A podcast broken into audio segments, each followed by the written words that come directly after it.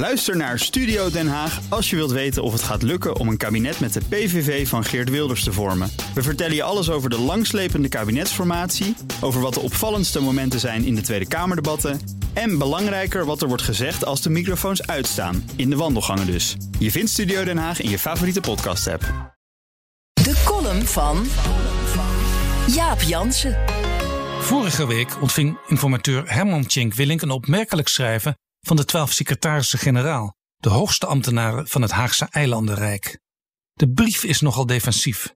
Hij lijkt geschreven door Sir Humphrey Appleby, de topambtenaar uit de tv-serie Yes Minister, die de hele dag bezig was al te drieste veranderplannen af te zwakken. Terwijl de Tweede Kamer zich opmaakt voor een dualistisch revij en van de regering en ambtenarij een nieuwe bestuurstijl vraagt, dempen de topambtenaren de verwachtingen. Ze schrijven hoe goed, gezien de omstandigheden, hun 120.000 ambtenaren hun werk eigenlijk doen. Terwijl de coronacrisis alle aandacht vraagt, is er gebrek aan geld en personeel, verouderde ICT en complexe wet- en regelgeving. En dan vraagt de politiek ook nog eens een forse bijdrage aan het herstel van vertrouwen in de overheid. Je hoort ze zuchten. De brief is ondertekend door hun voorzitter, Gertjan Buitendijk, secretaris-generaal van Algemene Zaken en verzonden vanuit het kabinet minister-president. Opmerkelijk, want is het niet premier Mark Rutte die roept dat hij radicale ideeën heeft over een nieuwe bestuursstijl? Uiteraard hebben de ambtenaren, na de toeslagenaffaire en allerlei andere deuken in het vertrouwen, de boodschap begrepen. Maar verwacht niet dat de problemen snel opgelost zijn, schrijven ze. Hals over kop verbeter op verbetermaatregel stapelen vergroot de kans op nieuwe drama's. Departementale herindelingen zijn ook niet de oplossing. En het openbaar maken van ambtelijke adviezen voelt onveilig. In hun brief schrijven de SG's niets over het breed gevoelde gemis aan vakinhoudelijke kennis aan de top van de ministeries, waar ze voornamelijk met management bezig zijn.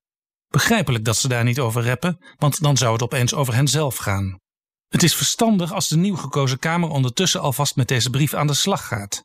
Want je hebt niets aan fraaie voornemens voor een nieuwe cultuur als Kamer en ambtenarij elkaar straks niet goed blijken te verstaan. Volgens de SG's is de dynamiek tussen kabinet, Kamerleden en ambtenaren verruwd. Als je daar iets aan wilt doen, moet je in gesprek. Daarom een gratis advies aan de nieuwe Kamer. Nodig de twaalf secretarissen-generaal uit voor een hoorzitting, waarin gevraagd wordt: wat bedoelt u precies met uw brief? Hoe kunt ook u ervoor zorgen dat er een opener cultuur ontstaat? Er is werk aan de winkel voor de nieuwe Kamer. Want anders hebben we binnenkort een mooi regeerakkoord dat pleit voor een nieuwe bestuurstijl, maar nog steeds grote vraagtekens bij de uitvoering. En was nu niet juist daar, bij die uitvoering, aan het licht gekomen dat het anders moet in Den Haag?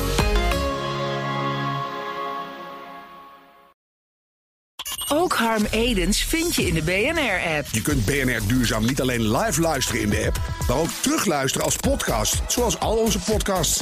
En naast dat de BNR-app Breaking News meldt, houden we je ook op de hoogte van het laatste zakelijke nieuws. Download nu de gratis BNR-app en blijf scherp.